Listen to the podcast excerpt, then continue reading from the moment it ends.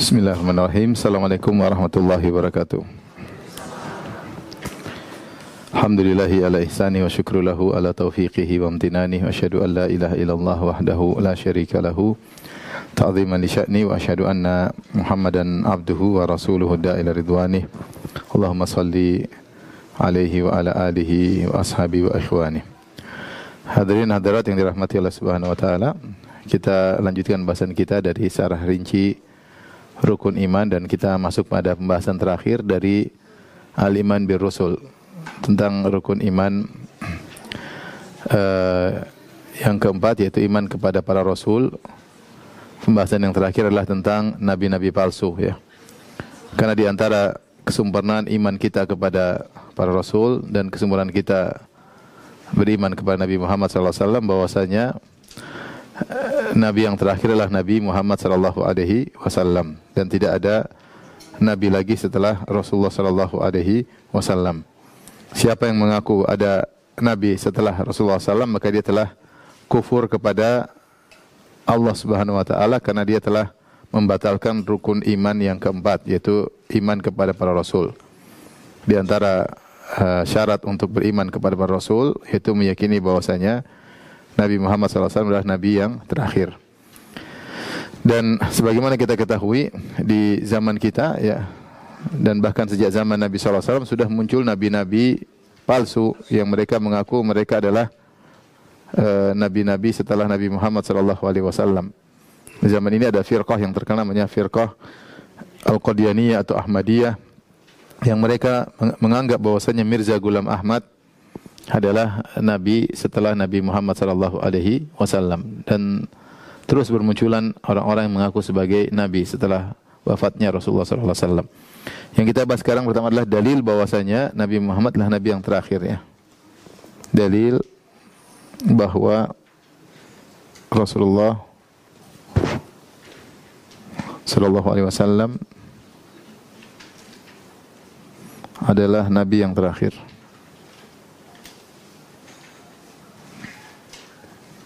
Uh, dalil akan hal ini banyak baik dalam Al-Qur'an maupun dalam As-Sunnah ya. Dari Al-Qur'an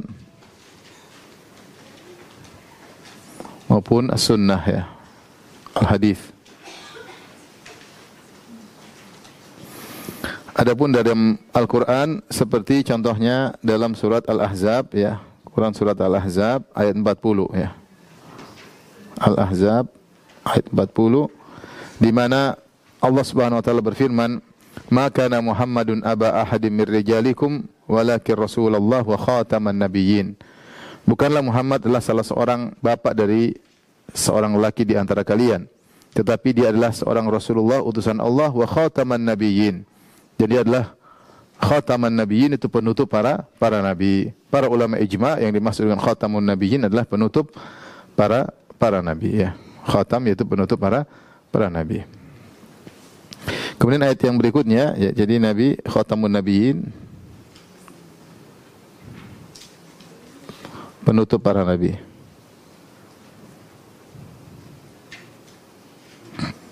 Kemudian ayat yang berikutnya uh, yaitu ayat-ayat yang menunjukkan kelaziman dari Rasulullah SAW adalah Nabi yang terakhir ya. Itu ayat-ayat yang menunjukkan kelaziman seperti dalam surat Ali Imran ayat 85 ya. Ali Imran ayat 85 ya. Allah Subhanahu wa taala berfirman, "Wa may yabtaghi ghairal islami dinan fala yuqbala minhu wa fil akhirati minal khasirin." Uh, siapa yang mencari agama selain Islam, maka tidak akan diterima. Ya dan dia di akhirat termasuk orang-orang yang merugi. Seandainya ada nabi selain Nabi Muhammad SAW berarti ada agama lain yang bisa diterima. Karena Nabi Muhammad adalah nabi yang terakhir yang dia bawa adalah agama Islam, maka Allah tidak menerima agama yang yang lain. Ini isyarat bahwasanya Islam adalah agama yang terakhir dengan rasulnya adalah Muhammad sallallahu alaihi wasallam. Konsekuensinya kalau seandainya ada boleh ada nabi selain Nabi Muhammad sallallahu alaihi wasallam, maka bisa diterima agama yang yang lain ya. Demikian juga dalam uh, surat Al-Maidah ayat 3 yang menunjukkan agama sudah sempurna, agama telah sempurna. Kata Allah Subhanahu wa taala, "Al-yauma akmaltu lakum dinakum." Pada hari ini aku telah sempurnakan bagi kalian agama kalian. Sehingga tidak dibutuhkan lagi agama yang yang lain. Sehingga tidak dibutuhkan lagi rasul yang yang lain. Tidak ada lagi rasul.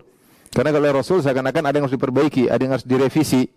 Islam adalah agama terakhir yang dibawa oleh Nabi Muhammad SAW tidak perlu revisi lagi. Ya. Sehingga ayat ini isyarat bahwasanya tidak ada lagi nabi yang yang lain setelah Nabi Muhammad sallallahu alaihi wasallam karena agama Islam adalah agama yang terakhir dan tidak perlu direvisi ya.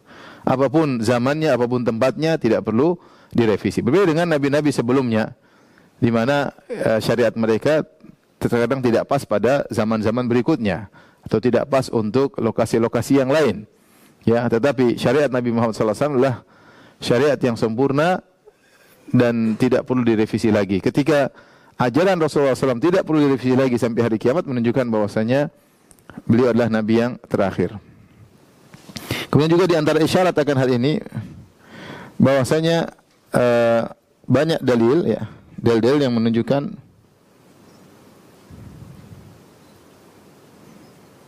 Nabi diutus untuk jin dan seluruh manusia. Nabi sallallahu alaihi wasallam diutus untuk seluruh jin, seluruh manusia dan jin. Ini di antara keistimewaan Nabi wasallam kata Nabi wasallam, "Wa kana an-nabiy wa kana nabiyyun qabli wa yub'atsu ila qaumihi wa bu'ithu ila an-nasi kafah." Adalah nabi-nabi sebelumku mereka diutus untuk kaum mereka sendiri, ya. Adapun aku diutus untuk seluruh umat manusia, ya. Ya. Makanya di zaman Nabi uh, Musa alaihissalam, ya, Nabi Musa hanya diutus kepada Bani Israel. Makanya ketika Nabi Musa bertemu dengan Khadir, Khadir bertanya, "Siapa engkau?" Kata Musa, "Saya Musa." Maka Khadir berkata, "Anta Musa Bani Israel, engkau Musanya Bani Israel." Menunjukkan bahwasanya Nabi Musa hanya diutus untuk Bani Israel. Berarti kalau hanya suatu kaum ada masih kemungkinan ada nabi yang lain, akan ada nabi berikutnya, nabi berikutnya. Karena masih banyak kaum yang membutuhkan nabi ya. Tetapi ketika ada satu nabi diutus seluruh manusia dan jin, menunjukkan tidak perlu ada nabi yang lain lagi. Ini menunjukkan Nabi. Jadi sifat Nabi terakhir. Dia diutus seluruh jin dan manusia. Dan ayat yang menunjukkan akal ini banyak. Seperti Rasulullah SAW dalam Al-Quran dalam surat Al-A'raf 158. Ya. 7158 kata Allah Subhanahu wa taala, "Qul ya ayuhan nasu inni Rasulullah ilaikum jami'an." Katakanlah wahai Rasulullah, wahai manusia sekalian, sungguhnya aku adalah utusan Allah bagi kalian seluruhnya. Aku utusan Allah bagi kalian seluruh manusia yang diutus Nabi Muhammad SAW. Tidak Nabi yang lain di atas bumi ini di zaman Rasulullah. Yang ada cuma Nabi Muhammad SAW untuk seluruh umat manusia. Dan itu makanya Rasulullah SAW sejak awal Rasulullah SAW sudah ketika di tahun 89 Hijriah Rasulullah SAW mulai menulis surat kepada raja-raja dunia. Rasulullah SAW kirim surat kepada Raja Persia, Rasulullah SAW kirim mengajak masuk Islam, Rasulullah SAW kirim surat kepada Raja Romawi Herakl, Heraklius untuk masuk Islam, Rasulullah SAW kirim surat kepada Raja Mesir. Ya, Kenapa? Karena memang agama Islam adalah agama internasional, bukan hanya kepada kabilah tertentu, suku tertentu, jazirah tertentu, tetapi untuk seluruh umat umat manusia. Dan sejak awal Islam ada ada Bilal Al-Habashi, Bilal dari Habasyah yang bukan Arab, ada Salman dari Persia yang masuk Islam sehingga Islam bukan agamanya Arab tapi agama internasional seluruh umat manusia. Ini isyarat bahwasanya nabi-nabi yang terakhir. Karena tidak butuh lagi. Beda kalau nabi cuma satu kaum, nabi misalnya cuma nabi Bani Israel, cuma nabi kaum ini, nabi kaum ini, maka ada butuh nabi-nabi yang yang lainnya. Karena kaum-kaum yang lain, suku-suku yang lain juga butuh uh, risalah dari Allah Subhanahu wa taala. Kemudian juga misalnya surat Al-Anbiya ayat 107 ya. Ini Quran surat Al-Anbiya ayat 107. Kata Allah Subhanahu wa taala, "Wa ma arsalnaka illa rahmatan lil alamin."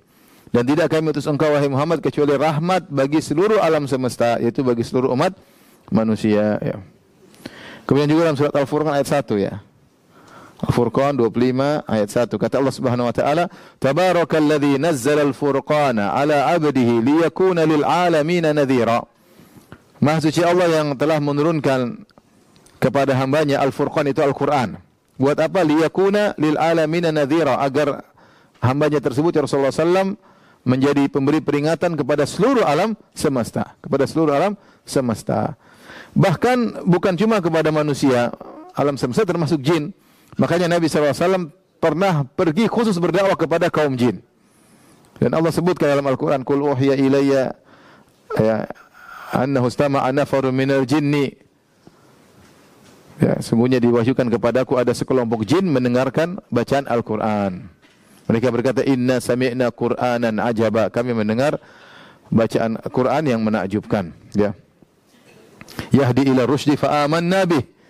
Yang Al-Quran tersebut memberi uh, petunjuk kepada jalan yang benar, kami pun beriman kepada Al-Quran.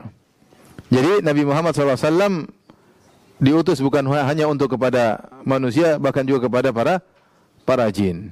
Sehingga ini membuktikan bahwasanya Rasulullah SAW adalah Nabi yang terakhir. Makanya di antara juga sebagaimana pernah kita sebutkan, mukjizat Nabi Muhammad SAW berbeda dengan mukjizat Nabi-Nabi sebelumnya. Kalau mukjizat Nabi-Nabi sebelumnya terkait dengan suatu yang bisa dilihat di zaman tersebut saja, seperti Nabi Musa eh, tongkatnya berubah menjadi ular, yang bisa melihat kapan? Hanya orang di zaman Nabi Musa alaihissalam. Onta Nabi Saleh yang keluar dari batu, siapa yang bisa lihat zaman Nabi Saleh saja? Atau misalnya banjir yang menutup apa, menutupi bumi hanya kapal Nabi Nuh yang selamat. Siapa yang bisa lihat? Cuma orang di zaman Nabi Nuh alaihissalam saja. Ya, artinya tidak mukjizat tersebut tidak khalidah, tidak abadi. Lain halnya dengan mukjizat Al-Qur'an. Al-Qur'an dipilihkan oleh Allah sebagai mukjizat terakhir bagi nabi yang terakhir. Yang setelah nabi tersebut meninggal, mukjizat tersebut akan terus abadi. Makanya Al-Qur'an sampai sekarang kita bisa tahu mukjizatnya. Ya. Bagaimana ada Al-Qur'an ayat-ayat yang begitu menakjubkan yang seorang pun sudah menghafal ayat-ayat tersebut tidak pernah bosan untuk membacanya. Saya sering sampaikan, surat Yusuf yang sudah kita hafal, yang kita sudah tahu ceritanya, dari awal sampai akhir sudah tahu ceritanya. Kita pun sudah mengajarkan tafsirnya. Tapi kita tidak pernah bosan untuk membacanya. Kalau bisa demikian, ya memang mukjizat dari Allah Subhanahu wa taala, ya. Berbeda dengan mukjizat nabi-nabi sebelumnya yang terkait hanya bisa dilihat oleh kaum di zamannya. Ketika Allah memilihkan bagi Nabi Muhammad SAW mujizat Al-Quran yang adalah mujizat yang abadi, ini isyarat bahwasanya Muhammad adalah Nabi yang nabi yang terakhir. Nabi yang terakhir ya. Ini dalil-dalil bahwasanya Rasulullah SAW adalah nabi yang terakhir. Adapun dari Al-Qur'an, adapun dalil-dalil bahwasanya nabi adalah nabi yang terakhir dari hadis maka banyak ya. Yang pertama hadis-hadis yang menunjukkan tidak ada nabi setelah Rasulullah sallallahu alaihi wasallam. Ada tiga ya, ada dua yaitu Pertama, dalil-dalil yang menunjukkan tidak ada nabi nabi lagi setelah beliau. Beliau sallallahu alaihi wasallam. Kemudian dalil-dalil yang menunjukkan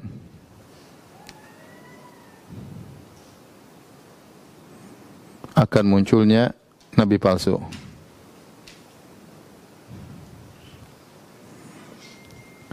Yaitu setiap ada nabi yang mengaku sebagai nabi setelah Rasulullah SAW, maka nabi fonus sebagai nabi palsu. Ini dua kelompok dalil yang menunjukkan Nabi Muhammad SAW adalah nabi yang yang terakhir. Yang pertama, hadis-hadis yang menunjukkan tidak ada nabi setelah Rasulullah SAW. Lihat halaman 662, ya, jilid 1 662. Dari Abu Hurairah radhiyallahu anhu, Nabi SAW bersabda, Kanat Banu Israel tasusuhumul anbiya. Adalah Bani Israel, mereka dipimpin oleh para nabi, yaitu para nabi-nabi Bani Israel. Kullama halaka nabiyyun khalafahu nabiyyun. Setiap ada nabi yang meninggal, maka datang nabi yang yang lain. Wa innahu la nabiyya ba'di. Adapun aku tidak demikian. Ya, kalau nabi-nabi Bani Israel setiap ada yang meninggal, ada yang ganti, ada yang meninggal, ada yang yang ganti ya. ya. Adapun aku tidak demikian. Kalau aku meninggal maka tidak ada nabi lagi setelahku. Nabi Rasulullah SAW menjelaskan la nabiyya ba'di. Tidak ada nabi setelahku. Ini dalil bahwasanya Rasulullah SAW adalah nabi yang terakhir. Kemudian juga dalam hadis dari riwayatkan oleh Sa'ad bin Abi Waqqas radhiyallahu anhu. Anna Rasulullah sallallahu alaihi wasallam kharaja ila Tabuk. Rasulullah sallam berangkat perang menuju Tabuk. Wastakhlafa Aliyan kemudian Rasulullah sallam meninggalkan Ali untuk mengurusi para wanita anak-anak di kota Madinah. Faqala Ali pun berkata, "Atukhallifuni fi sibyan wan nisa?" Wahai Rasulullah, apakah aku tidak ikut perang sementara kau tugaskan aku untuk ngurusi anak-anak dan para wanita? Ya Ali ingin ikut perang bersama Nabi, tapi Nabi bilang enggak, kau ngurusi dulu anak-anak di kota Madinah. Harus ada yang ngurusin mereka. Maka Ali mengejar Nabi di tengah perjalanan kata Ali, "Ya Rasulullah, Ali dikenal pemberani, dia mengatakan, "Bagaimana aku tidak perang Tabuk terus kau suruh aku ngurusi anak-anak dan para wanita?" Maka Rasulullah SAW menjawab, "Ala tarda an takuna minni bi manzilati Harun?" Tidakkah kau ridha kedudukanmu di sisiku seperti Harun min Musa, seperti Harun dibandingkan dengan Musa. Artinya ketika Nabi Musa alaihissalam pergi memenuhi panggilan Allah yang ditugaskan menjaga kaumnya siapa Nabi? Harun. Nah, aku sekarang ada tugas untuk berperang, maka aku tugaskan engkau untuk menjaga sebagian kaumku. Illa annahu laisa nabiyyun ba'di, hanya saja tidak ada nabi setelahku. Hanya saja tidak ada nabi setelahku. Jelas Nabi SAW menjelaskan tidak ada nabi setelahku. Berbeda dengan Musa dan Harun. Musa dan Harun ada dua nabi di zaman yang sama. Dan uh, mereka akhirnya meninggal dunia, entah Musa di luar atau Harun di luar di masa Atih. Setelah mereka meninggal digantikan dengan Nabi Yusha bin Nun. Tetapi Nabi SAW tidak demikian, ya. Bahwasanya tidak ada Nabi setelah Rasulullah Sallallahu Alaihi Wasallam. Kemudian hadis yang lain hadis Abu Hurairah kata Nabi SAW Inna mathali wa mathalul wa inna, inna mathali wa mathalal anbiya'i min qabli. Sungguhnya perumpamaanku dan perumpamaan nabi-nabi sebelumku kama thali rajulin bana baitan fa ahsanahu wa ajmalahu. Perumpamaan kami aku dan para rasul sebelumku seperti seorang yang sedang membangun sebuah rumah. Kemudian dia baguskan rumahnya, dia indahkan rumahnya. Illa maudhi ala binatin min zawiyah. Hanya saja di, ada di sudut rumah masih kurang satu bata yang belum dipasang. Rumah ini indah, cuma ada satu bata yang kurang. Faja'alan nasu yatufuna bihi. Maka orang-orang pun melihat rumah ini, mereka kagum dengan indahnya rumah tersebut. Wa yu'jabuna lahu dan mereka kagum dengan rumah tersebut. Wa yaquluna, cuma ada satu yang kekurangan, kok belum ada satu bata yang belum dipasang. Wa yaquluna halla wudi'at hadhihi labinah. Kenapa tidak dipasang batu bata di sini kok kurang? Maka Rasulullah berkata, "Fa ana labinatu wa ana khatamun nabiyyin." Akulah bata tersebut. Artinya rumah ini tinggal satu bata lagi yang terakhir. Ya, akulah bata tersebut wa ana khatamun nabiyyin dan aku adalah penutup para para nabi dan aku adalah penutup para nabi. Ini dalil sangat tegas bahwasanya Nabi Muhammad SAW Nabi yang terakhir. Dan dia penutup para nabi dan dia penyempurna syariat Allah Subhanahu wa taala. Dalam riwayat yang lain kata Nabi SAW, "Fa ana maudhi'ul labinah." Jitu fa khatamtul anbiya. Aku adalah uh, tempat bata tersebut, aku datang dan aku tutup kenabian. Rumah selesai gampangannya. Rumah dipasang bata selesai. Maka kalau aku datang, seluruh kenabian telah selesai. Dalam hadis yang lain Rasulullah SAW bersabda, "Bu'ithu ana wasa'atu, bu'ithu ana wasa'ata hakadha." Aku diutus bersama hari kiamat seperti ini. Corona syu'bata syu'bah baina isba'ihi syu'bah perawi hadis mengganding, menggandingkan antara dua jari jemarinya al-musabbih wal wusta yaitu jari telunjuk dan jari tengah yakihi ingin menyampaikan maksudnya Nabi ingin aku dan hari kiamat seperti ini. Maksudnya tiada nabi lagi setelahku sampai hari kiamat. Maksudnya tidak ada lagi nabi setelahku sampai hari kiamat. Nabi terakhir menjelang hari kiamat akulah ini. Nabi yang paling terakhir. Taib ini Eh, dalil-dalil uh, yang tadi sudah kita sebutkan bahwasanya tidak ada nabi setelah Rasulullah sallallahu alaihi wasallam. Kemudian jenis model dalil yang kedua, ini yang pertama, ini yang kedua dari hadis-hadis Nabi, yaitu hadis-hadis yang memperingatkan akan munculnya nabi-nabi palsu. Akan munculnya nabi-nabi palsu. Rasulullah SAW sudah jelaskan, setiap nabi ada yang muncul setelah nabi, setelah Rasulullah SAW maka difonis oleh Rasulullah SAW sebagai nabi palsu. Di antaranya Rasulullah SAW bersabda dari hadis Jabir bin Samurah, ia mendengar Rasulullah SAW bersabda, Inna baina yadayi sa'ati kadzabina fahdharuhum. Sungguhnya sebelum hari kiamat akan ada akan akan ada kadzabin yaitu para pendusta. Waspadalah terhadap mereka yaitu para pendusta yang ngaku-ngaku sebagai nabi. Kemudian juga dalam hadis Abu Hurairah kata Rasulullah SAW, "Wala taqumu sa'atu hatta yub'atsu dajjalun kadzabun." Tidak akan tegak hari kiamat sampai akan muncul dajjalun, para dajjal, para pendusta kadzabun. Qariban min thalathin, jumlah mereka sekitar 30 orang. Kulluhum yaz'umu annahu Rasulullah. Setiap pendusta tersebut, setiap dajjal tersebut merasa dia adalah utusan Allah Subhanahu wa taala. Rasulullah ingatkan akan ada nabi-nabi palsu.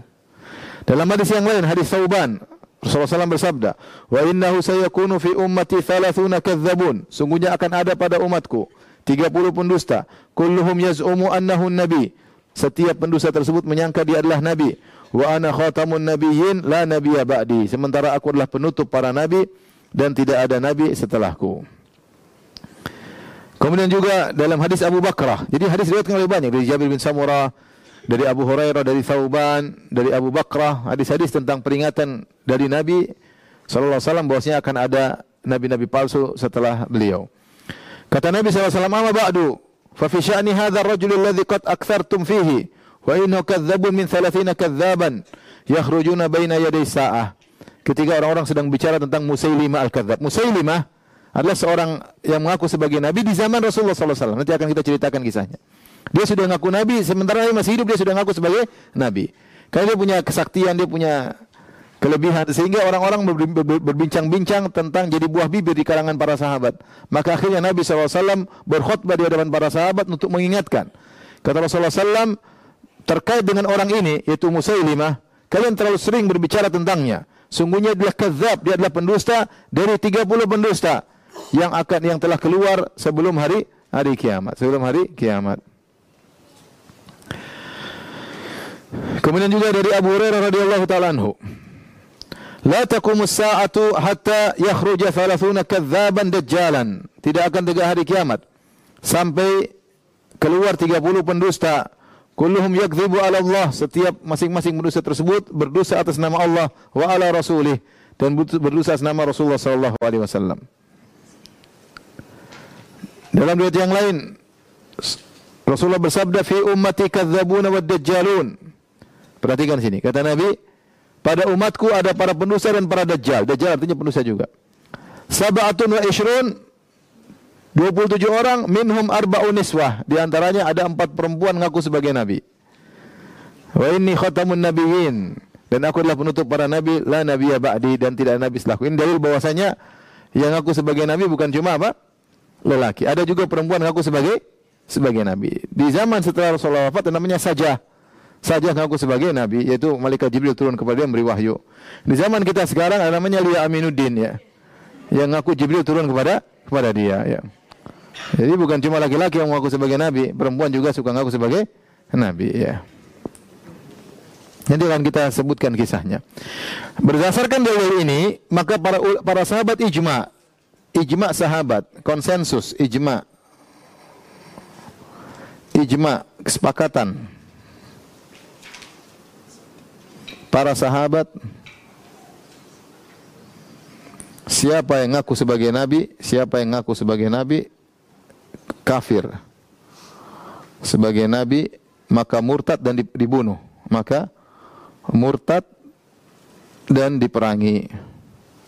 Ini yang dipraktikkan oleh para sahabat zaman Abu Bakar radhiyallahu taala anhu di zaman para sahabat terutama zaman Abu Bakar radhiyallahu anhu setelah Rasulullah SAW meninggal dunia maka Abu Bakar pun menyusun pasukan untuk menyerang nabi-nabi palsu tersebut. Maka Rasulullah SAW Abu Bakar mengirim pasukan yang dipimpin oleh Khalid bin Walid untuk menyerang Musailimah al-Kadzab dengan suatu perang yang sangat dahsyat disebut dengan Ma'rakatul Yamamah. Kemudian juga untuk menyerang Al-Aswad Al-Ansi dan seterusnya sehingga setiap ada nabi palsu diserang. Setiap nabi palsu diserang. Dan ini kesepakatan para sahabat sehingga mereka sepakat siapa yang ngaku sebagai nabi palsu sebagai nabi setelah Rasulullah maka hukumnya apa? Ka kafir, murtad. Dan yang mengikutinya juga hukumnya apa? Kafir, murtad. Tapi pada kesempatan kali ini kita akan bahas tentang kisah nabi-nabi palsu sebagian nabi-nabi palsu tersebut ya. Sudah Ibu? nabi-nabi palsu. Ayo. Nabi-nabi palsu Rasulullah kabarkan ada 30 orang itu nabi-nabi palsu yang punya pengaruh besar. Adapun nabi-nabi palsu yang tidak terkenal banyak ya. Seperti uh, sempat muncul di Kerawang satu ya. Nabi palsu ya. Jadi seperti ah, Ahmad Musaddiq ya, ngaku sebagai apa nabi? Sebagai nabi ya. Jadi nabi-nabi nabi-nabi palsu kecil banyak. Tapi yang 30 yang dimaksud oleh Nabi, Nabi-Nabi palsu yang punya pengaruh luar biasa seperti Mirza Gulam Ahmad. Yang muncul kemudian punya pengikut ribuan bahkan mungkin jutaan, Allah alam saya nggak tahu. tapi pengikutnya sangat banyak yang aku sebagai nabi palsu. Adapun nabi-nabi palsu kecil-kecil maka uh, banyak ya. Seperti di tempat kita Ahmad Musaddiq, kemudian saya pernah juga lihat ada seorang aku sebagai Nabi Isa ya. Nabi Isa ditanya, "Kenapa? Kamu siapa Nabi Isa?" Terus saya turun sekarang saya turun dari langit. Ngapain? Banyak orang melakukan kesyirikan saya mau mengingatkan mereka. Dan saya pernah ketemu seorang aku Nabi di kapal ketika saya bersafar dari Papua ke Surabaya atau Surabaya ke Papua di, di kapal. Kemudian saya kita sholat di musola. Kemudian ada seorang yang ceramah. Kemudian dia bilang sebenarnya telah datang Jibril kepada saya.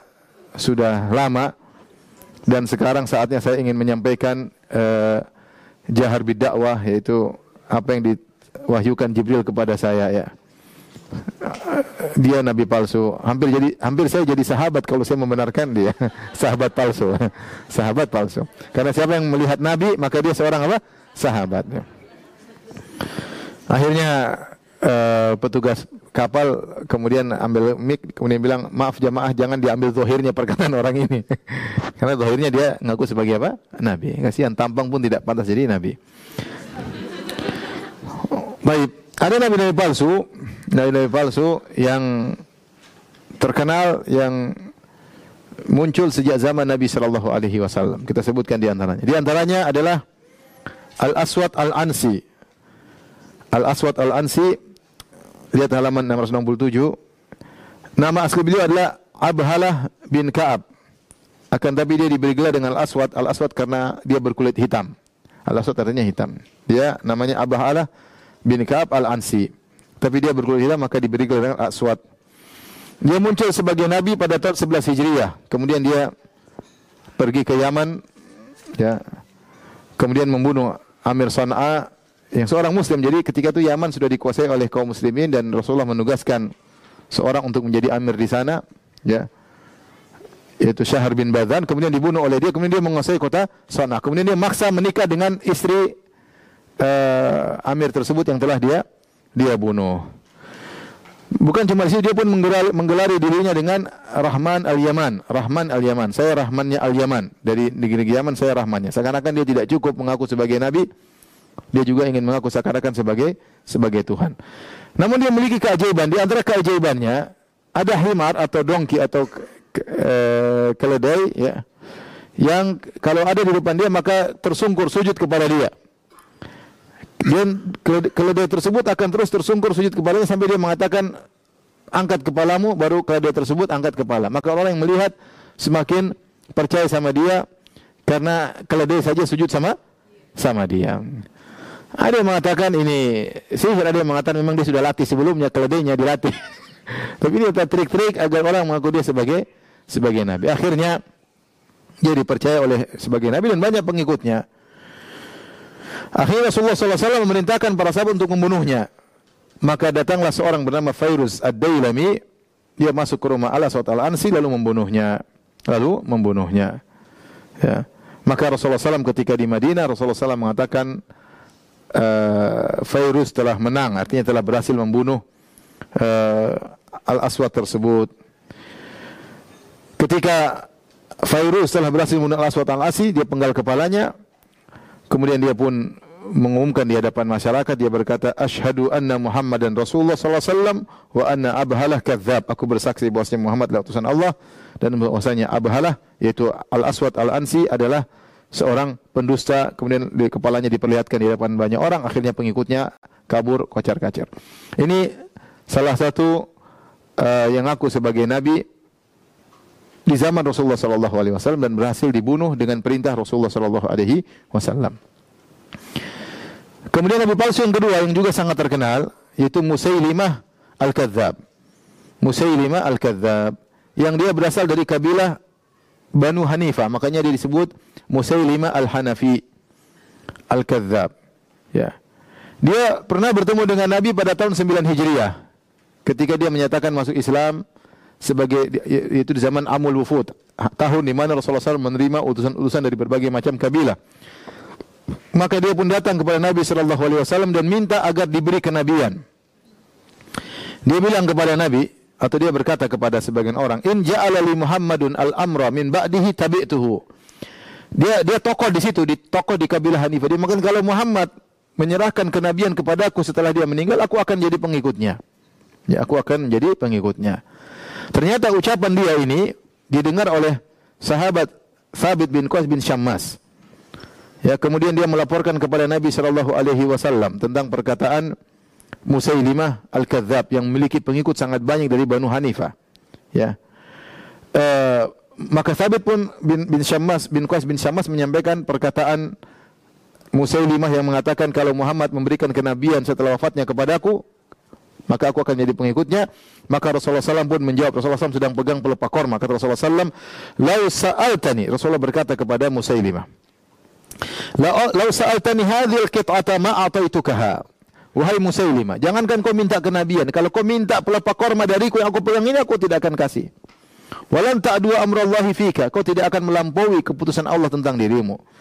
Walain adbarta, la yaqirannaka Allah, kalau kau kabur atau kau berpaling, maka Allah akan binasakanmu. Wa inni la araka alladhi uritu fika ma ra'ait. Sungguhnya aku telah melihatmu seperti apa yang aku lihat dalam mimpiku. Kata Nabi kepada Musailimah, Rasulullah tidak kasih. Rasulullah tidak kasih kenabian kepada Rasulullah tidak janji apa pun. Jangankan kenabian, kau minta pelaku forma aku akan tidak tidak kasih. Maka e, Ibnu Abbas bertanya kepada Nabi, karena Rasulullah di akhir perkataan Rasulullah mengatakan, sungguhnya aku telah melihat pada dirimu seperti yang aku lihat dalam mimpiku. Apa maksud perkataan Nabi kepada Musailimah? Sungguhnya aku telah melihat pada dirimu apa yang aku lihat dalam mimpiku. Maka Nabi menjelaskan dalam hadisnya, Bainama ana naim ketika aku sedang tidur, Ra'aitu fi yadayya siwaraini min dhahab. Aku melihat di kedua tanganku ada dua gelang dari emas. Rasulullah SAW tidak suka pakai gelang. Ini memberatkan Nabi. Apalagi emas. Fa ahammani sya'nuhuma, maka menggelisahkanku tentang gelang ini aku lihat dalam mimpiku. Fa uhya ilayya fil manam, maka diwahyukan kepadaku dalam mimpiku anin fukhuma anin fukhuma. Kata diwahyukan tiup dengan tiuplah kedua gelang tersebut maka Rasulullah meniup. Ya. Fanafakhtuhuma aku pun meniup kedua gelang tersebut fatara kemudian dua gelang tersebut terbang. Fa'awaltuhuma kadzabain maka aku mentakwil dua gelang tersebut adalah dua pendusta. Yakhrujani ba'di yang keduanya akan keluar setelahku. Fakana ahaduma al-ansi yang salah satunya adalah al-ansi yang tadi sudah kita jelaskan al-aswad al-ansi yang terbunuh. Wal akharu Musailima al-kadzab yang satu adalah Musailimah al-kadzab sahib al-yamama yang tinggal di al-yamama. Dalam riwayat yang lain, kata Nabi sallallahu alaihi wasallam, "Bainama ana naimun utitu bi khazainil ardi." Ketika aku sedang tidur, aku bermimpi, aku diberikan tentang perbendaraan dunia. Fa wudi'a fi kaffi siwarani min zahab. Maka diberikan kepadaku dua gelang dari emas di kedua tanganku. Fakabura alayya, maka ini berat bagiku ada aku memegang dua gelang emas. Fa auhallahu ilayya an unfuhuma. Maka Allah beri wahyu kepadaku, tiuplah kedua gelang tersebut. Fanafakhtuhuma, maka aku meniup kedua gelang tersebut, fadhahaba, tiba-tiba dua gelang emas tersebut hilang. Fa'awaltuhuma, maka aku tafsirkan dua gelang tersebut, al-kadzabaini alladzaina ana bainahuma. Maka aku tafsirkan bahwasanya dua gelang emas tersebut adalah dua pendusta yang aku berada di tengah-tengah mereka. Artinya mereka muncul di zaman kehidupanku. Sahib San'a yang pernah menguasai San'a maksudnya Al-Ansi, wa sahibul Yamamah yang tinggal di maksudnya Musailimah. Musailimah. Musailimah uh, dia bertemu dengan Nabi pada tahun 9 Hijriah. Kemudian dia mengaku sebagai nabi pada tahun 10 Hijriah. Itu di zaman kehidupan Rasulullah sallallahu alaihi wasallam, ya. Ketika Nabi meninggal, dia memiliki pasukan yang sangat banyak. Sangat banyak sampai puluhan ribu. Dan pasukan-pasukan dia benar-benar pembela mati-matian Musailimah. Mereka menganggap berjuang membela Musailimah seperti jihad fi sabilillah. Jihad fi sabilillah. Ketika Nabi masih hidup, Musailimah sempat menulis surat kepada Nabi dengan mengutus dua orang yang mengantarkan surat tersebut. Eh, Musailimah kirim surat kepada Nabi dengan dua utusan. Isi dua orang tersebut mengantar surat kepada Nabi. Apa isinya? Min Musailimata Rasulillah ila Muhammad. Dari Musailimah utusan Allah kepada Muhammad utusan Allah. Sama-sama Rasul. Jadi surat di antara para rasul. Min Musailimata Rasulillah dari Musailamah. Musailimah uh, utusan Allah kepada Muhammad Rasulullah utusan Allah. Amma ba'du, kemudian daripada itu. Fa inni usyrik fa inni usyriktu fil amri ma'aka. Sungguhnya aku bersama dengan engkau. Kita sama-sama apa? Rasul. Wa inna lana nisfal ardi wa li Quraisyan wa li Quraisyan nisfal ardi. Sungguhnya bagi kami setengah bumi dan bagi orang Quraisy setengah apa? Bumi. Walakinna Quraisyan ya'tadun akan tapi orang Quraisy melampaui batas. Jadi Musailimah ini bikin syubhat di kalangan umatnya. Muhammad itu nabinya Quraisy. Muhammad sallallahu alaihi wasallam nabinya Quraisy, aku nabinya Bani Hanifah. Aku nabinya Bani Hanifah. Cuma Quraisy tamak sehingga ingin menguasai dunia seluruhnya. Maka saya ingatkan Muhammad agar bagi dua. agar bagi dua. Bagi Quraisy setengah bumi, bagiku setengah setengah bumi. Kita sama-sama apa? Sama-sama nabi. Sama-sama nabi, ya. Dan ini menunjukkan Musailimah tidak mengajak orang untuk mendustakan Muhammad. Dia mau bilang Muhammad benar Rasul, tapi saya juga apa? Rasul. Makanya pengikutnya benar-benar berpegang teguh dan membela membela dia. Karena mereka tidak mengkafirkan Nabi dan mereka tidak menganggap Nabi berdosa. Mereka bilang Rasulullah itu Nabi, tapi Nabinya orang Quraisy. Bagian sini, bagian timur Jazirah, eh, maka ada Nabinya sendiri. Dan namanya pengikutnya pasti senang ada punya Nabi, iya enggak? Nah, mereka kan ada fanatik kabilah. Fanatik kabilah sehingga mereka bilang lah, Quraisy punya nabi, kita juga punya nabi. Namanya Musai, Musailimah. Jadilah pengikut pengikutnya benar-benar fanatik dan rela mati demi membela Musailimah. Rela mati untuk membela Musailimah. Ketika datang surat tersebut kepada Rasulullah SAW, Rasulullah bertanya kepada dua pembawa surat tersebut. Kata Rasulullah SAW, "Fama takulani antuma?" Bagaimana pendapat kalian berdua tentang perkataan Musailimah? Qala mereka berdua menjawab, "Naqulu kama qala." Kami berkeyakinan seperti apa yang diyakini oleh Musailimah. Bahwasanya engkau adalah nabi dan dia juga adalah nabi. Faqala Rasulullah sallallahu alaihi wasallam, Rasulullah SAW mengatakan, "Wallahi laula anna ar-rusula la tuqtal la darabtu a'naqakuma."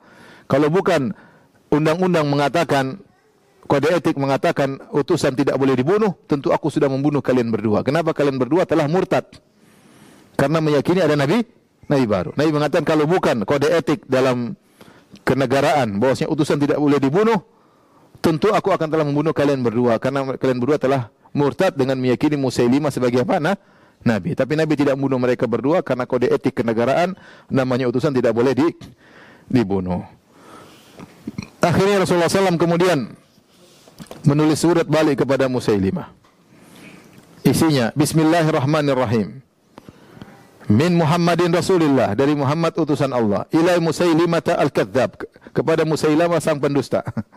Salamun ala man ittaba'al huda keselamatan bagi orang yang ikut petunjuk. Amma ba'du Kemudian daripada itu fa innal arda lillahi yurithuha may yasha'u min ibadihi wal aqibatul muttaqin. Sungguhnya bumi itu milik Allah. Allah berikan kepada siapa yang Allah kehendaki dari hamba-hambanya dan kesudahan yang baik bagi orang yang bertakwa. Tidak Rasulullah mengatakan bumi buat saya, bumi buat kamu bagi dua, tidak ada. Bumi milik siapa? Allah. Allah mau kasih siapa saja. Dan kesudahan yang indah bagi orang-orang yang yang bertakwa. Rasulullah SAW meninggal, Musailimah semakin berjaya, pengikutnya semakin banyak.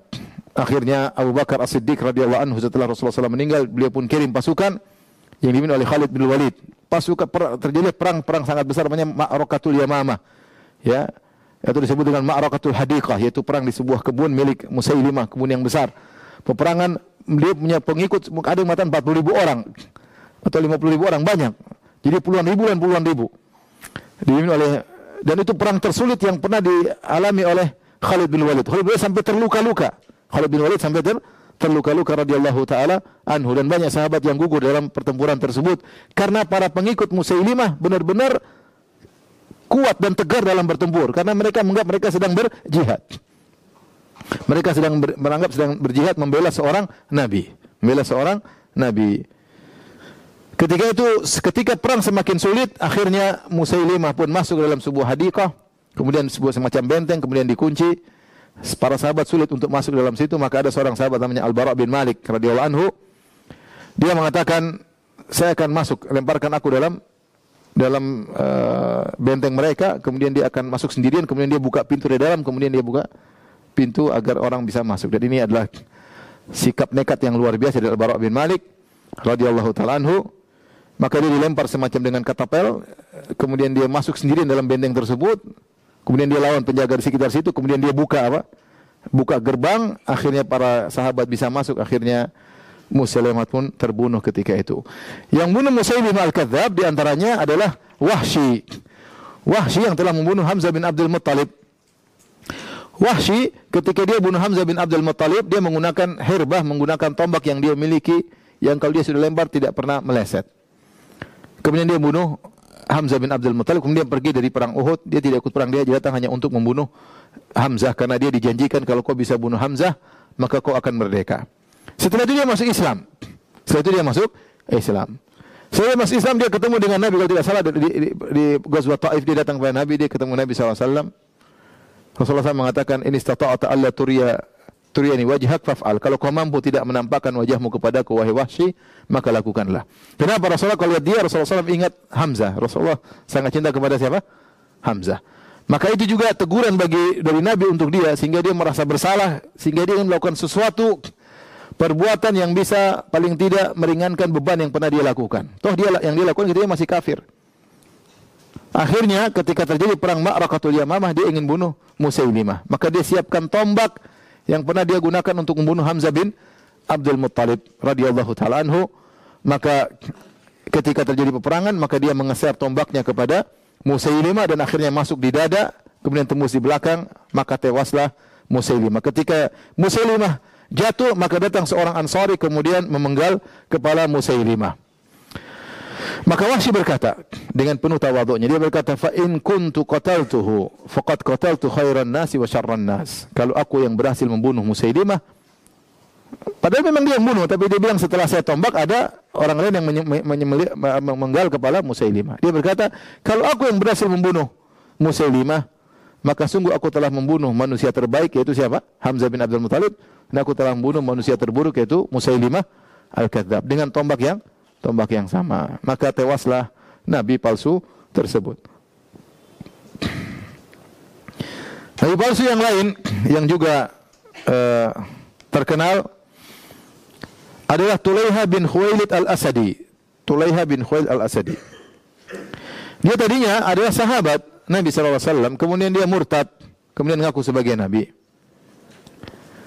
Ya. Dan dia orang yang sangat hebat dalam bertempur. Sampai Muhammad bin Sa'ad, seorang pakar sejarah pernah berkata, "Kana Tulaihatu yu'addu bi alfi farisin li syaja'ati wa shiddatihi." Tulaiha al-Asadi ini dianggap seperti mewakili seribu pasukan berkuda karena keberaniannya dan kehebatannya. Dia kalau masuk dalam pertempuran dia sangat hebat sampai di di seakan-akan dia mewakili seribu pasukan berkuda sehingga dia sangat hebat dalam pertempuran. Namun dia berubah setelah itu mungkin dia ingin mendapat kepemimpinan, pengakuan, maka dia mengaku sebagai nabi. Kemudian dia mempengaruhi beberapa kabilah seperti kabilah Gotofan, kabilah Asad, kabilah Toyi. Kemudian semua kabilah tersebut akhirnya menjadi anak buahnya. Dan ini ada apa namanya? Ada fanatik. Jadi uh, Banu Hanifah punya nabi sendiri, namanya Musailimah. Banu Asad punya nabi sendiri, namanya siapa? Tulaiha. Ya masing-masing ingin punya pemimpin yang dianggap karena mungkin cemburu kepada Quraisy. Padahal Nabi Muhammad bukan bukan nabinya Quraisy, nabi untuk seluruh umat manusia. Namun demikian fanatisme menjadikan uh, seorang bisa membela suatu yang batil. Akhirnya pengikutnya banyak dari Bani Gotofan, dari Banu Asad yang merupakan kabilah Tulaiha dan Bani Tayyi. Kemudian akhirnya Abu Bakar radhiyallahu anhu mengirim pasukan untuk menyerang mereka ya, untuk menyerang mereka. Di antara yang membela kenabian adalah Uyainah bin Hasan. Uyainah bin Hasan dari kabilah uh, Fazarah dia ikut gabung dengan Tulaiha. Ya. Ketika terjadi peperangan antara kaum muslimin melawan pasukan Tulaiha, ya, maka Uyainah datang kepada Tulaiha. Dia berkata, "Hal ja'aka Jibril ba'd?" Wahai Tulaiha, ini lagi perang nih lawan pasukannya Abu Bakar. Kita perang lawan mereka. Jibril udah datang belum? Jibril datang belum? Ini lagi perang nih. Ada ada wahyu nggak dari Jibril? Kata Tulaiha, la wallahi belum belum datang. Maka Uyainah berkata, karena dia dia bawa pasukan Bani Fazarah, dia Bani Fazarah ikut Tulaiha perang melawan pasukannya Abu Bakar. Maka Tulaiha berkata, uh, Uyainah berkata, Jibril datang belum? Kata Tulaiha belum. Kata Uyainah, "Ma apa yang buat dia terlambat datang?"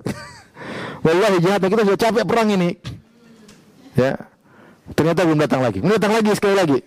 Gimana? Datang belum? Naam, naam, kau nih kata Tulaiha, iya udah datang, Jibril baru datang nih, terlambat. Terus bilang apa Jibril? Faqala inna laka rohan karohahu wa hadithan la tansahu.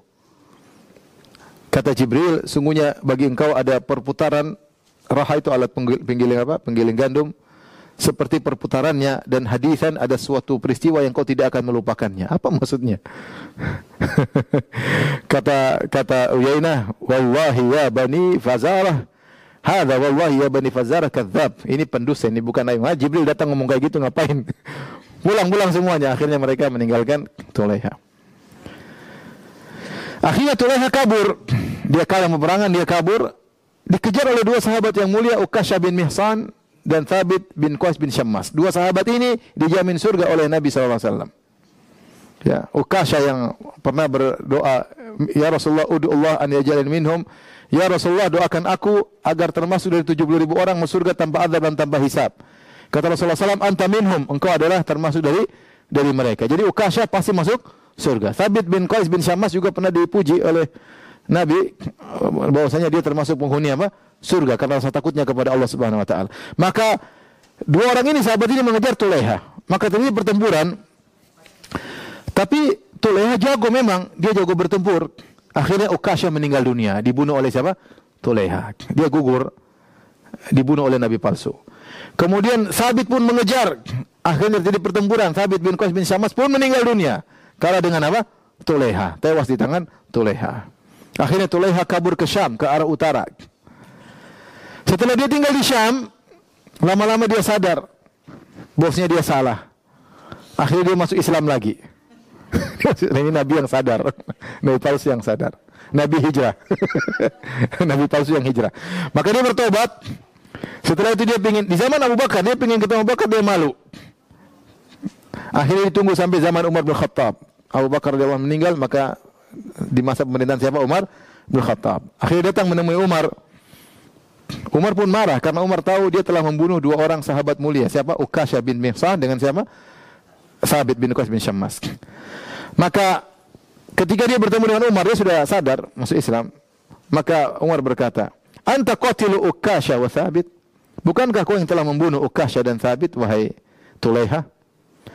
Kata Tulaiha, "Wallahi la uhibbuka abadan." Kata Umar, "Demi Allah aku tidak suka dengan kau sama sekali."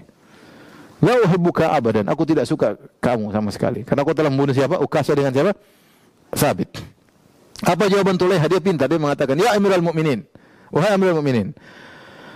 Ma tahimmu min rajulaini akr akramahumullahu biyadi. Ya, kenapa apa namanya uh, engkau sibuk dengan dua orang yang Allah telah muliakan mereka berdua dengan tanganku? Bukankah gara-gara aku mereka mati syahid?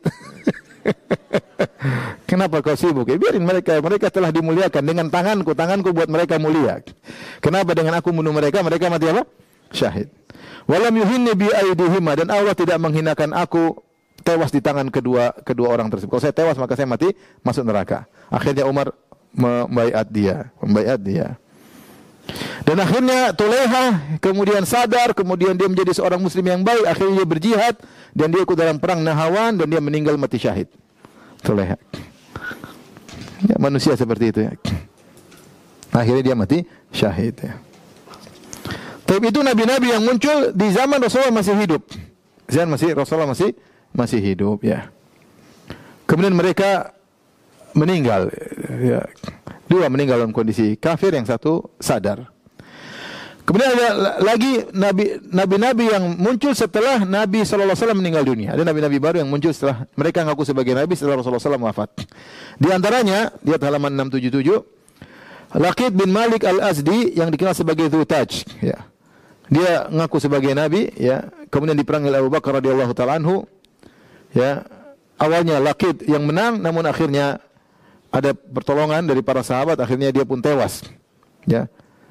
Dalam peperangan melawan Lakib bin Malik al-Azdi yang tewas sekitar 10 ribu orang dari pasukannya.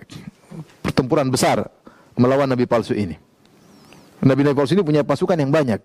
Dan Abu Bakar luar biasa. Abu Bakar hidup di zaman yang kondisi waktu tidak tidak stabil dan isinya peperangan terus karena banyak ngaku sebagai nabi palsu, munculan. Dan ada orang-orang tidak mau bayar zakat sehingga Abu Bakar membuat 11 pasukan kalau tidak salah untuk menyerang sana, menyerang sini, menyerang sana, menyerang sini sampai akhirnya kondisi stabil lagi. Di antara nabi palsu, nabi wanita namanya Sajah binti Al Harith. Sajah, ya. Dia ngaku sebagai nabi. Ya. Dia muncul ketika Khalid bin Walid akan menyerang Musailimah di zaman Abu Bakar radhiyallahu anhu. Khalid bin Walid pasukan Khalid bin Walid datang ingin menyerang Musailimah al-Kadzab dalam Ma'rakatul Yamamah sebagaimana sudah kita jelaskan sebelumnya. Kemudian ternyata Sajah juga datang. Sajah juga datang dengan puluhan ribu pasukannya. Dia juga punya pasukan ya, Nabi perempuan tersebut. Akhirnya Musailimah takut terjadi diserang dari dua belah pihak, diserang dari pasukan Abu Bakar, diserang dari pasukan Sajah. Dia nggak tahu saja ke sini mau ngapain. Jangan-jangan ingin ribut tentang masalah kenabian. Nabi harus satu saja. Makanya daripada daripada. Ya. Akhirnya uh, Musailimah pun minta kepada saja untuk bertemu empat mata. Kita berdua ketemu. Diskusi antara Nabi. Nabi palsu. Akhirnya datanglah saja Musailimah menyiapkan kemah, diberi wangian yang sangat indah. Kemudian saja pun masuk mereka berdua ngobrol, ya. Akhirnya Musailimah bertanya kepada Sajah. Wahai Sajah, adakah wahyu yang turun kepadamu? Ada wahyu turun enggak? Sama-sama pendusta. Saja mengatakan, apakah wanita yang harus dulu mulai? Engkau dulu lah. Ada enggak wahyu turun sama kamu? Laki-laki duluan lah. Kata Musailamah ada, ada wahyu turun kepada aku. Apa wahyunya? Maka dia baca wahyu yang turun dari malaikat Jibril. Alam taro ila rabbika kaifa fa'ala bil hubla. Tidakkah kau lihat apa yang dilakukan Rabbmu, bagaimana yang dilakukan Rabbmu terhadap wanita yang hamil?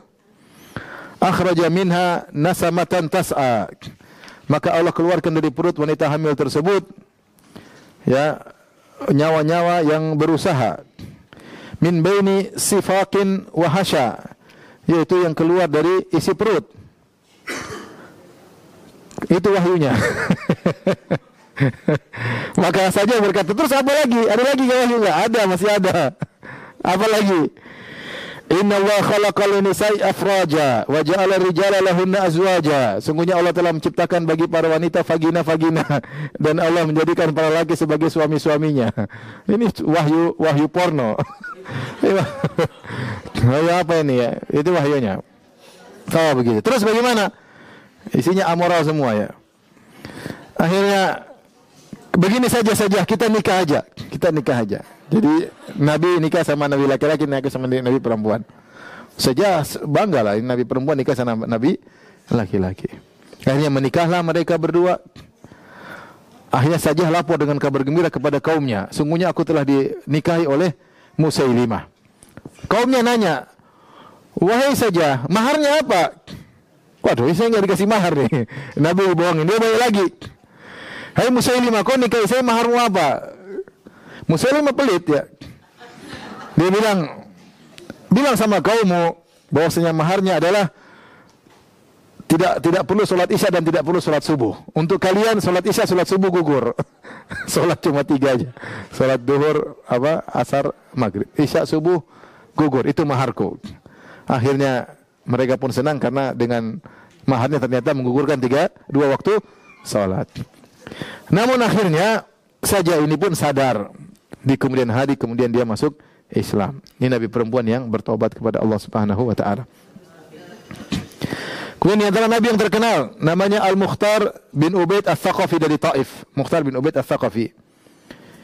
Yang tewas pada tahun 67 Hijriah. Dia dibunuh oleh pasukan Abdullah bin Zubair. Dia juga mengaku sebagai nabi. Dari Saqif, dari kabilah Saqif muncul dua orang yang sangat kejam. Yang satu kejam, yang satu pendusta. Yang kejam namanya Hajjaj bin Yusuf Al-Thaqafi yang bunuh Abdullah bin Zubair, Said bin Jubair ya. Dan yang satunya pendusta yaitu Al-Mukhtar bin Abu Ubaid Al-Thaqafi. Ketika Asma binti Abu Bakar bertemu dengan uh, Hajjaj, maka dia menyampaikan hadis dari Nabi sallallahu alaihi wasallam. Karena Hajjaj waktu itu membunuh Abdullah bin Zubair. Abdullah bin Zubair anaknya Asma. Asma binti Abu Bakar menikah dengan Zubair bin Awam. Asma binti Abu Bakar menikah dengan siapa? Zubair bin Awam punya anak namanya sahabat Abdullah bin Zubair. Kemudian punya anak lagi namanya Urwah bin Zubair, tapi Urwah bukan sahabat. Abdullah bin Zubair sahabat, Urwah tabi'i. Abdullah bin Zubair dibunuh oleh Hajjaj bin Yusuf Al-Thaqafi. Sahabat radhiyallahu ta'ala anhu yang Abdullah bin Zubair disebutkan kalau dia sudah salat maghrib kemudian dia salat sunnah dia sujud dan dia tidak angkat kepalanya kecuali azan isya kecuali azan isya seorang laki yang saleh Hajjaj bertemu dengan dengan Asma mamanya ibunya Abdullah bin Zubair maka Asma berkata aku mendengar Rasulullah bersabda yakhruju min thaqifin kadzabun wa mubir akan keluar dari kabilah Thaqif dua orang satu pendusta dan satu adalah orang yang beringas. Fa amal kadzab, adapun sang pendusta faqat ra'ainahu. Kami telah melihatnya itu Al-Mukhtar bin Abi Ubaid Al-Thaqafi. Pendusta. Kami sudah lihat. Wa ammal mubir, adapun yang yang beringas fa anta engkau orangnya wahai Hajjaj bin Yusuf Al-Thaqafi. Hajjaj bin Yusuf Al-Thaqafi. Baik. Kemudian nabi-nabi yang muncul setelah zaman para sahabat banyak sekali ya. Mulai di antaranya Mirza Gulam Ahmad ya. Di antaranya Ahmad Musaddiq di tempat kita ya. Dan nabi-nabi yang tidak akan berhenti sampai sekarang masih ada terus orang-orang mengaku sebagai sebagai nabi. Siapa yang mengaku sebagai nabi berarti dia kafir dan siapa yang percaya dia adalah nabi baru maka dia juga telah apa? Telah kafir ya. Karena di antara konsekuensi beriman kepada para rasul beriman bahwasanya nabi terakhir adalah Nabi Muhammad sallallahu alaihi wasallam. Nabi Muhammad sallallahu alaihi wasallam. Uh, dan uh, di antara bantahan kepada pemikiran falasifah sebagaimana pernah saya sampaikan, al-falasifah menganggap kenabian adalah amrun muktasab. Mereka menganggap kenabian adalah suatu perkara yang bisa diusahakan. Jadi seorang kalau melalui pelatihan-pelatihan tertentu melatih raganya, berusaha menghilangkan sifat jasadnya, meninggikan ruhaninya, sehingga bisa connecting dengan namanya al-akal fa'al, maka jadilah dia seorang seorang nabi. Dan ini adalah pemikiran sesat, pemikirannya Ibnu Sina dan juga pemikirannya Al-Farabi ya. Ini adalah kekufuran. Karena kelaziman dari pemikiran ini bahwasanya kenabian bisa diusahakan, berarti bisa muncul nabi baru. Siapa saja bisa jadi nabi kalau dia telah melalui latihan-latihan sehingga meninggikan rohaninya, kemudian dia bisa connecting dengan alam ilahi uh, dengan nuansa ketuhanan sehingga kemudian dia menjadi seorang nabi. Ini pemikiran yang sesat karena nabi bukanlah perkara yang diusahakan. Kenabian adalah anugerah dari Allah Subhanahu wa taala. Wallahu a'lam wallahu ya'lamu haitsu yaj'alu risalata. Allah meletakkan di mana risalahnya terserah Allah. Tidak perlu latihan-latihan siapa yang mau dipilih jadi nabi, Allah yang akan pilih. Allahu yastafi minal malaikati rusulan wa minan nas. Allah yang memilih di antara para malaikat menjadi utusannya dan Allah memilih di antara manusia menjadi apa? utusannya. Jadi bukan seorang latihan-latihan menjadi nabi. Itu tidak benar. Uh, demikian yang bisa sampaikan pada kesempatan kali ini. InsyaAllah pada pertemuan berikutnya kita masuk pada rukun iman yang kelima yaitu iman bil yaumil akhir. Kita masih dua lagi, iman bil akhir dan iman bil qadar insyaallah taala. Kalau gitu sampai sini saja kajian kita. Subhanakallah bihamdik asyhadu an la ilaha anta astaghfiruka wa atubu. Assalamualaikum warahmatullahi wabarakatuh.